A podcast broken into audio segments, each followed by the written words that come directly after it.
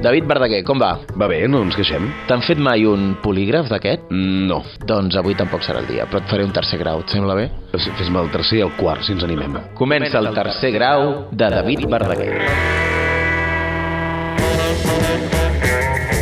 David, tu poses aquesta veu per semblar més interessant o la tens sempre així? Jo poso aquesta veu per semblar més interessant. En realitat tinc la veu superaguda i tinc un accent gallec, però ho, ho, ho, ho camuflo. No, tinc la veu aquesta perquè jo crec que tinc la veu de la meva mare. La vagina no, per exemple, però tinc la veu de la meva mare perquè la té més greu que el meu pare i jo crec que la genètica i el camel ha fet aquesta veu. Tinc una teoria absurda que és que si vaig canviant de marca no m'enganxaré mai al tabac. Jo, vull, jo vull arribar al nivell José Sacristán. David, t'enduràs el Goya?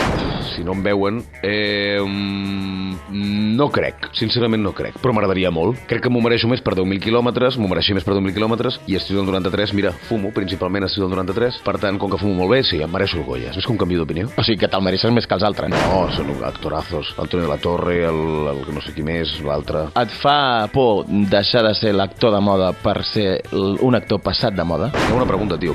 L'altre dia vaig veure a Twitter una tia que m'insultava molt. Em va dir, ara ha agafat el relleu, David Verdaguer ha agafat el relleu de l'actor més avorrit i cansino de Catalunya, abans era Quim Gutiérrez. Hòstia, no, no ho sé, tio, jo no, no vull...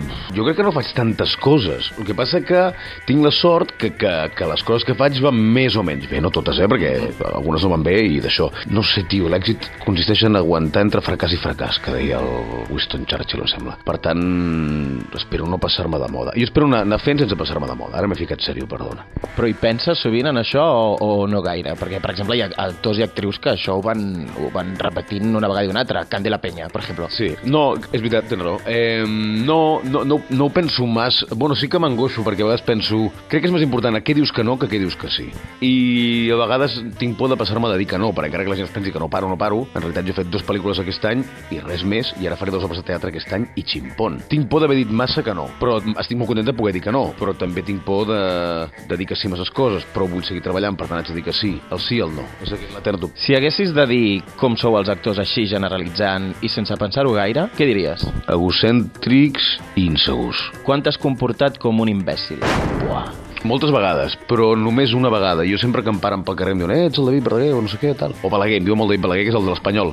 Ets David Balaguer? Dic, no, no soc David Balaguer, per favor, jo tinc la veu normal. Eh, només una vegada em vaig comportar malament amb una persona que em va reconèixer i me n'empenedeixo tota la vida, que em va dir, jo estava molt creuat, eh, que em va dir, eh, surts a la tele? I li vaig dir, sí, tu no. I vaig caminant. És l'única vegada que m'he comportat com un imbècil objectivament. No, no em comporto molt com un imbècil, però faig molt l'imbècil, que això és molt important. Què recordes haver robat? Vaig robar una vegada un clauer, he, he robat molt poc, eh? Clauer, que trist, David. Sí, sí, molt trist. I em vaig angoixar tant, crec que el vaig tornar. Vaig tornar per, vaig tornar a entrar per tornar-lo. No sé robar... No! Vaig robar un imant a Amsterdam, amb tota la calma del món. I li vas regalar després a la teva família. No, no, me'l vaig quedar per mi, a més. Imagina't. Jo robo per mi. Sóc com l'anti-Robin Hood. Com et va sortir la darrera declaració de la renda? Em van rebentar. Però em van rebentar. Em van rebentar. Quina molt bona pregunta. I estic d'acord, eh? Mentre els meus impostos serveixen per alguna cosa, estic d'acord que em rebentin. Però clar, el problema que tenim els actors...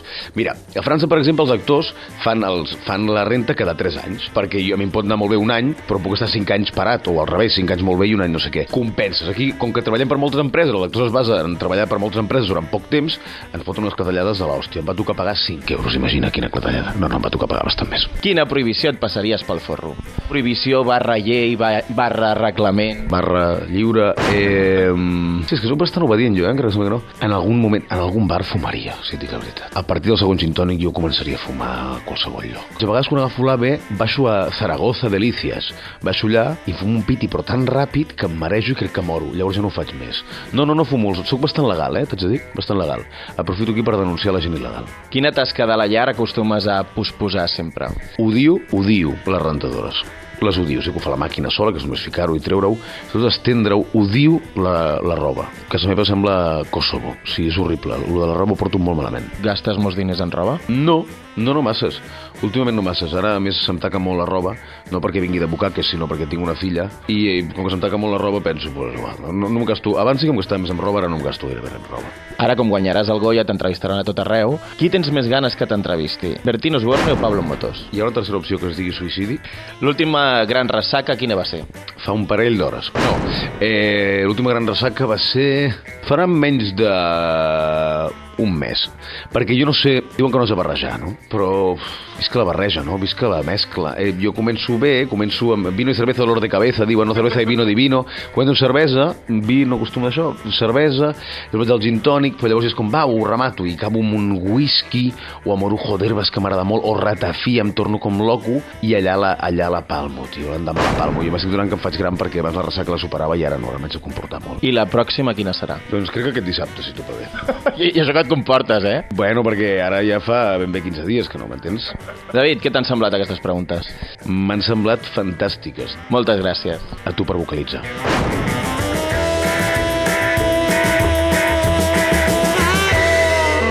Els experts, amb Albert Miralles i Roger Saró.